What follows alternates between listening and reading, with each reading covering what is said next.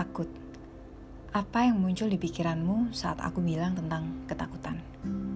Beberapa waktu yang lalu, emosi ini muncul. Takut.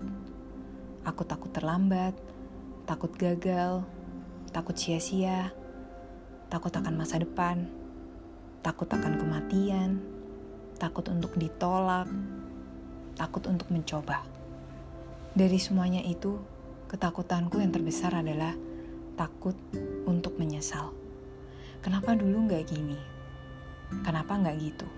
Harusnya dulu seperti ini. Masa lalu adalah hal yang paling jauh dari manusia. Karena belum pernah ada yang bisa balik ke masa lalu. Mungkin di masa depan bisa terjadi.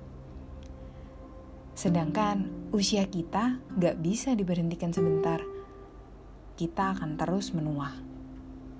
Jadi, daripada ketakutan akan penyesalan itu muncul, lebih baik memberanikan diri melangkah. We don't know whether we will succeed or not. It is important to calculate before you do something. But after you decide what you want, then don't hesitate to do it. Have a nice day.